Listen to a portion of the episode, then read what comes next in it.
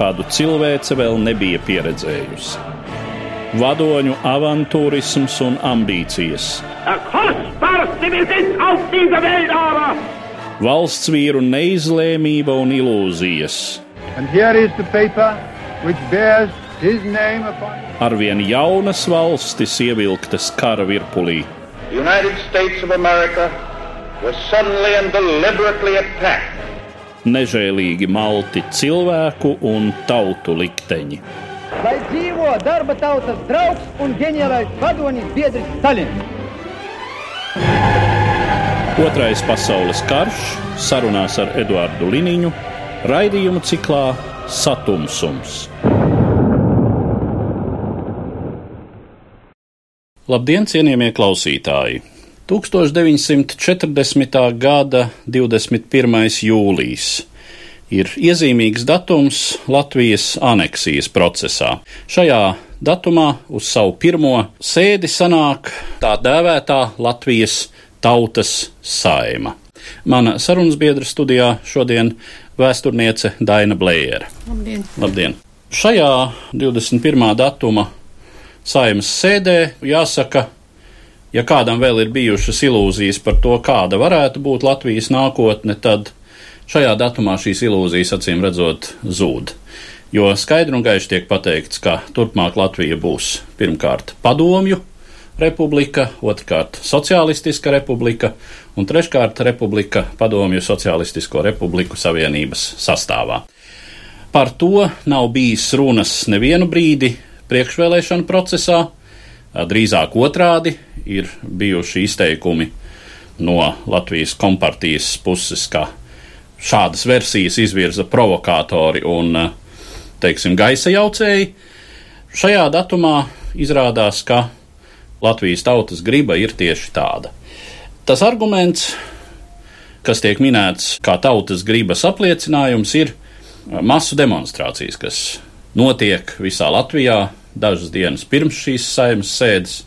Uz tām atsaucas vairāki runātāji, sakot, ka lūk, tautas griba ir tāda, jo tādi ir lozungi un tiek minēti skaitļi, kas laikam pat ir tuvu patiesībai. Tātad runa ir par to, ka Rīgā pulcējās 170 tūkstoši uz šīm demonstrācijām, un citur Latvijā arī ir, ir apjomīgi cipari. No vienas puses tas it kā neizraisa īpaši pārsteigumu tiem, kur ir pieredzējuši to, kā tiek organizētas šādas eh, demonstrācijas jau tādā iestrādātā padomju sistēmā. Nu, tie, kur ir pieredzējuši padomju laikus, tad demonstrācijas notika vairākas reizes gadā. Ierašanās bija obligāta, organizācija diezgan, kā saka, nostādīta labā līmenī, bet nu, tajā brīdī Nu, tas tomēr vēl ir tāds pārējais posms.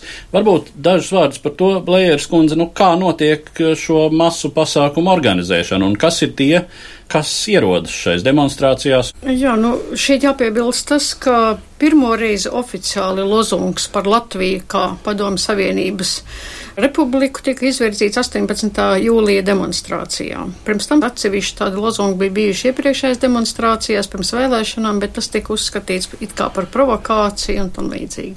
Jautājums par to, kā tika panākta tāda demonstrāciju masveidība, tas ir faktiski tāds jautājums, kas vienmēr ir drusku mulsinošs. Ņemot vērā to, ka daudzi fakti liecina, ka patiesībā šis atbalsts padomju savienībai un komunistiski noskaņotā sabiedrības daļa patiesībā bija ļoti neliela. No otras puses ir fakts, ka šīs demonstrācijas patiešām bija masveidīgas. Kādēļ tas tā? Kā var panākt, principā valstī, kura ir oficiāli vēl it kā ir suverēna valsts, kura oficiāli darbojās visas iepriekšējās varas struktūras, lai gan to vadība ir nomainīta, kā var panākt to, ka cilvēki dodās tik masveidīgi demonstrācijās. Es domāju, ka izskaidrojums ir pirmām kārtām tas, ka tika paralizēta vara no augšas. Faktiski visa šī jūnija un jūlija notikuma gaita parādīja, ka revolucionārā situācija nemaz nav nepieciešama. Pietiek ar to, ka paralizē esošās varas struktūras. Un tad jau balstoties uz pārņemto leģitimitāti, it kā faktiski uzurpēto leģitimitāti, ir iespējams iedarbināt pietiekami efektīvus piespiešanas mehānismus. Un viens šāds pietiekami efektīvs mehānisms ir tas, ka gluži vienkārši no darba vietām bija jādodas demonstrācijām. Darba vietas vadībai, tiksim, iestādes vadībai tika paziņots, ka tad un tad būs demonstrācija, ja, un darbinieki ir jāatlaiž. Un pasarg Dievs šajā situācijā, lai šīs iestādes vadītājs uzdrošinātos, teiksim, teikt, ka ne, mums ir jāstrādā, viņi neies demonstrācijā. Varētu iestarpināt, kā tas notika pēc tam visus tālākos padomju varas gadus, jo šī demonstrācija organizācija vienmēr arī notika pēc tam caur darba vietām, mācību iestādēm un tā tālāk un tā tālāk, nu tur, kur cilvēks bija tā sacīt piesaistīts. Jā, nu, lai gan vēlākajos padomju gados jau, teiksim, bija uh, speciāla sistēma, kas balstījās uz partijas pirmo organizāciju, asociācijām, uz arotbiedrībām un tam līdzīgi. 40. gada jūnijā un jūlijā, protams, šīs sistēmas vēl nebija. Taču to panāca, nu, pielietojot arī tiešu un netiešu draudu sistēmu. Ļoti liela eh, loma bija sarkanajai armijai. Vienkārši sarkana armija bija visur zaudēt kaut ko apsargāja, kaut kur viņi visur bija uz ielām, piemēram, Francijas vēstniecības darbinieka Žana de Bosa memoāros ir tieši šis moments, ka pēkšņi parādījies ļoti daudz sarkanās armijas karavīru visur, kur vajag un kur nevajag. Sarkana armija arī apgādāja demonstrācijas bieži vien tur ar smagajām mašīnām, lai atgādātu demonstrants un tam līdzīgi. Otra lieta ir tā, ka nu, faktiski jau līdz 21. jūlijam sākās aresti, tie gan bija sporādiski un pārsvarā skāra atsevišķus un augstākās administrācijas vai policijas darbinieks, taču šādi aresti bija, zināma tāda baila atmosfēra jau veidojās. Kā jau es teicu, bija tāds spiediens uz iestādes vadību, Un bija pilnīgi skaidrs, ka nu, teiksim, iestādes vadītājs nevar atrasties savā amatā, ja viņš nepilda jaunās varas ieteikumus. Tas, protams, nebija prasības, tie bija ieteikumi. Šis mehānisms tika pielietots arī tā saucamās tautas saimnes vēlēšanās. Nevelti tautas saimnes vēlēšanas bija noliktas uz 14. un 15. jūliju. Tad 14. jūlijas bija svētdiena, 15. jūlijas bija pirmdiena. Kādēļ uz pirmdienu? Tādēļ gluži vienkārši tos, kas nebija aizgājuši 14. datumā uz vēlēšanām, tos darba vietās varēja savākt, sapulcināt kopā, pajautāt, tu novēlēji, Palūgt parādīt pasu. Jā, nu, teiksim, ja nevēlē, tad lūdzu ar sarkano karogu priekšā visi kolektīvi dosimies uz vēlēšanu iecirkni. Ir, teiksim, piemēram, tāda fotografija Rīgas pašvaldības darbinieki rindā pie vēlēšanu iecirkņa stāv garā rindā. Ja. Teiksim, pašvaldību darbiniekiem, vispār dažādu valsts un municipālo iestāžu darbiniekiem, protams, bija ārkārtīgi grūti izvairīties, bet grūti bija arī, teiksim, fabriku strādniekiem, kur vienkārši vietējie komunisti vai aktīvisti varēja diezgan sekmīgi tādā veidā panākt masveidību. Nu, no šīm demonstrācijām būtībā jau līdzīgi jautājumi rodas arī klausoties tos ierakstus, kas ir saglabājušies arī tā skaitā Latvijas radiofonotēkā no šīs pirmās eh, tautas saimnes sēdes, kur tā tad, kā jau teicu, Visu šī programma tiek skaidri un gaiši iezīmēta. Nu, jāsaka tā, ka runātāji tomēr lielākoties bija pārbaudīti ļaudis. Protams.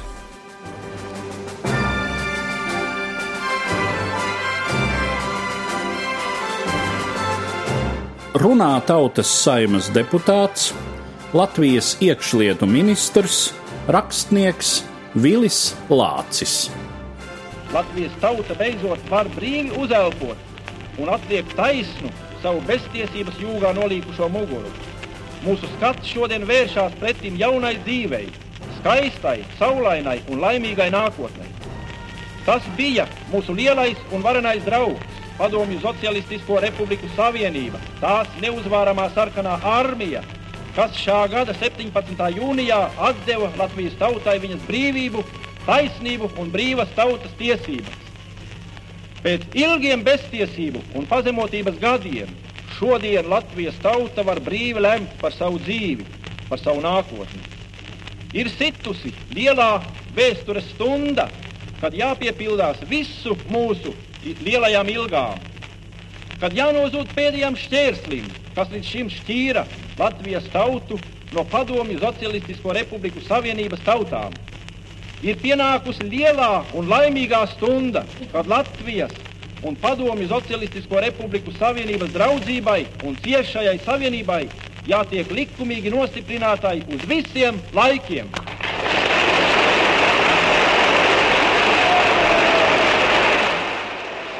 Tomēr rodas tas jautājums, nu galu galā visi ievēlētie, starp viņiem taču nu, ne jau visi bija padomju aģenti bijuši vai nelegālās kompartijas locekļi.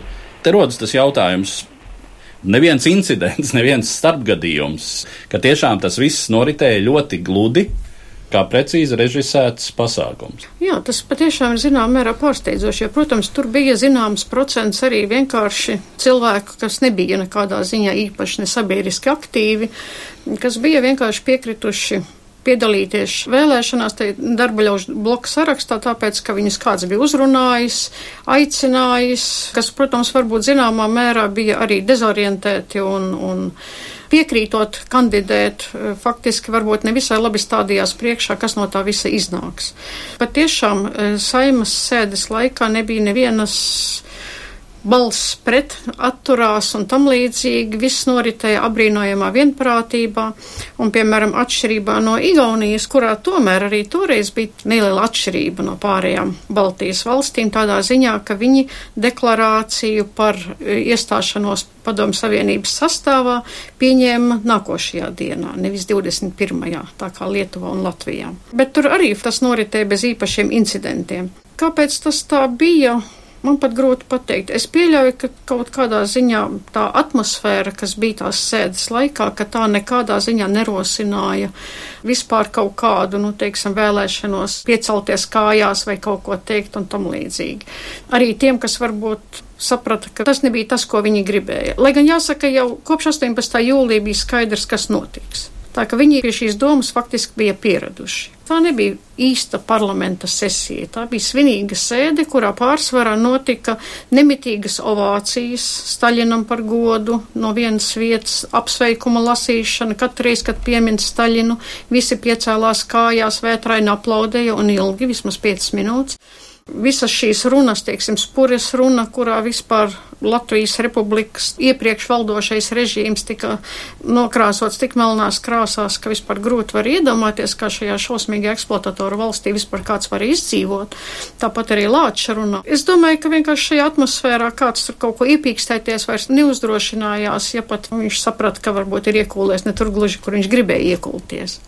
Jau pieminētais Žans de Boss ļoti labi apraksta, kā izskatījās Nacionālais teātris. Viss dekorēts ar Ļiņina un Staļina portretiem, sarkanām leņķiem un sarkanām rozēm.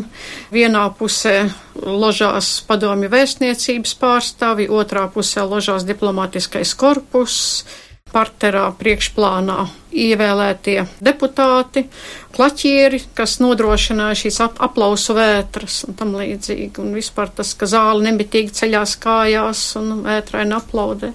Tas viss bija ļoti labi norežisēts, un kā Žans Debus, viņš rakstīja par to, ka jau pirms vēlēšanām, ka tiks panākts noteikti, ka valstī, kurai 90% antikomunistu, ievēlēs 95% komunistu vēlēšanās. Un pat cilvēkam no malas bija ļoti skaidrs, ka tas scenārijs, kuru bija izstrādājis Višinskis ar saviem biedriem un kuru bija izstrādājis Maskav, ka tas tiek ļoti labi īstenots patiesībā ar tādām īstām padomju metodēm faktiski. Un šīs padomju metodas lielā mērā, protams, balstījās uz tādu psiholoģisku teroru vienam piecelties kājās un kaut ko teikt pretī visiem, ja, tas, tas bija ļoti grūti. Runā tautas saimas deputāts, iekšlietu ministra biedrs Vikentijs Latkovskis. Lai dzīvo Latvijas Padomju Socialistiskā republika!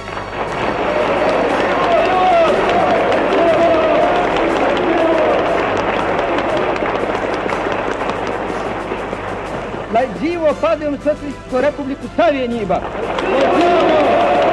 dzīvo! Lai dzīvo! Lai dzīvo komunistiskā internacionāle! Lai dzīvo! Lai dzīvo! Lai dzīvo! Lai dzīvo Latvijas komunistu partija! Lai dzīvo!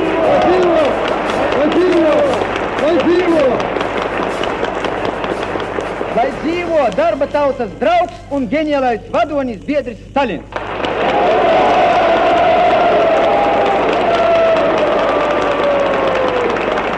Višinska personība šajā gadījumā vēl paspilgtina šo vispārējo sistēmas likumsakarību, jo, nu, ja mēs zinām, kas ir Višinskis, un Višinska sakarā šis jautājums par to, nu, kā tiek panākts, ka publiskā izpausme atbilst režisoru iecerēji, ka cilvēki, kas ir pirms tam domājuši pavisam citādi, un te faktiski runa pirmām kārtām ir par šīm padomju paraugu prāvām kurās Višinskis uzstājās kā galvenais apsūdzētājs, un par šiem tiesājamajiem padomju gan militārajiem darbiniekiem, gan padomju augsta ranga darbiniekiem, kuri atzinās šais paraugu prāvās visbriesmīgākajos noziegumos pret valsti, kuru viņi paši bija veidojuši, un, un tie nebija kaut kādi piena puikas, tie bija pilsoņu kara armiju komandieri, tie bija bolševiki, kas bija cīnījušies vēl, teiksim, Caro Hranka nebija viņus piespiedusi padoties, un šeit viņi lūza un liecās, un Višinska sakarā tiek uzdot šis jautājums, kā to vispār varēja izdarīt. Jā, protams, Višinskis bija labi uztrenējies, lai gan, protams, tas viss notika arī e, Lietuvā un Igaunijā pēc tāda paša scenārija.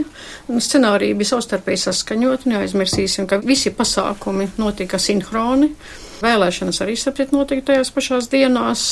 Jāsaka, ka 17. jūnijā Višinskis, Dekanozos un Ždanovs tikās Tallinā pie Ždanova, kurš bija galvenais sovietizācijas vadītājs Baltijā. Un, acīm redzot, šajā 17. jūlijā tad tika saskaņot šis galīgais scenārijs, kādā veidā noritēs šis aneksijas otrais posms. Pēc tam, kad izdevās sekmīgi norganizēt vēlēšanas, tad kā darīsim konkrēti tālāk.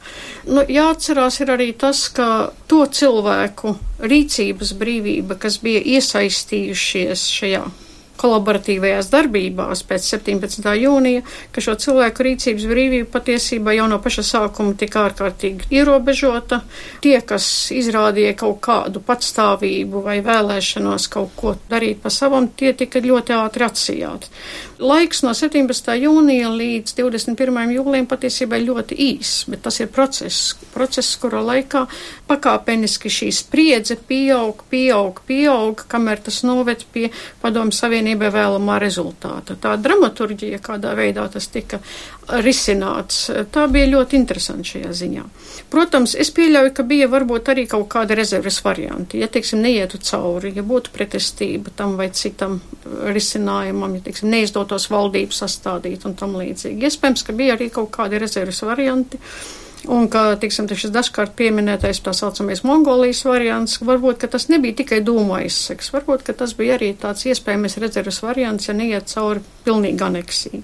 Taču, Respektīvi, ka saglabātu Latviju kā nomināli neatkarīgu padomju satelītu valsts. Jā, kā protektorātu faktiski, formāli saglabājot suverenitāti. Ārlietas būtu padomu savienības pārziņā, bet, nu, zinām, autonomija iekšlietās. Kā tajā laikā bija Mongolijai un Tuvai attiecības ar PSRS. Igauni diezgan daudz par šo variantu bija tās atcerējušies, un toreiz Igaunijā par ļoti daudz tas tika pieminēts šajās, it sevišķi jūnija beigās, jūlijas sākumā. Latvijā daudz mazāk, un arī Lietuvā mazāk, taču uh, tas tika pieminēts, piemēram, ja, ja es pareizi atceros, tad jaunākajās ziņās bija viens raksts par šo iespējamo Mongolijas variantu, pēkšņi tā parādījies. Uh, acīm redzami, pirmkārt, mērķis bija maldināt sabiedrību, taču pilnīgi iespējams, ka tāds rezervas variants arī pastāvēja. Ja kārtējs solis labi izdevās, tad šī spriedze tika palielināta un tādi cilvēki kā Kirhensteins, Lācis, viņi jau no paša sākuma darīja visu, ko PSRS sūtniecību lika priekšā, parakstīja visus papīrus, nolasīja visas runas, ko sūtniecība bija sastādījusi un tam līdzīgi. Runā Tautas saimas deputāts, Latvijas komunistiskās partijas centrāla komitejas otrais sekretārs Žanis Spūre. Padomu Savienībā nav vairs atpalikušu tautu.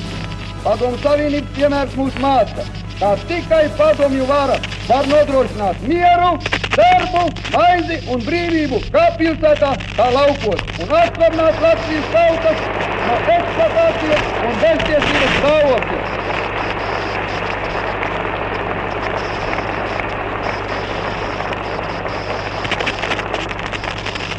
Tikai padomju vara mums nodrošināt politisko, saimniecisko un kultūrālo uzplaukumu.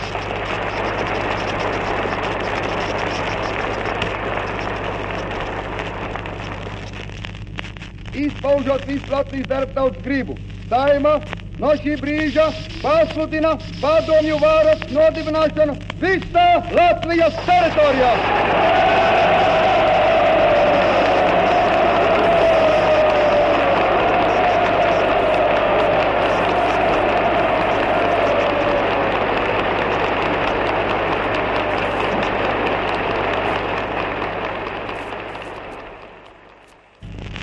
Latvija tiek pasludināta par Latvijas Socialistisko Republiku.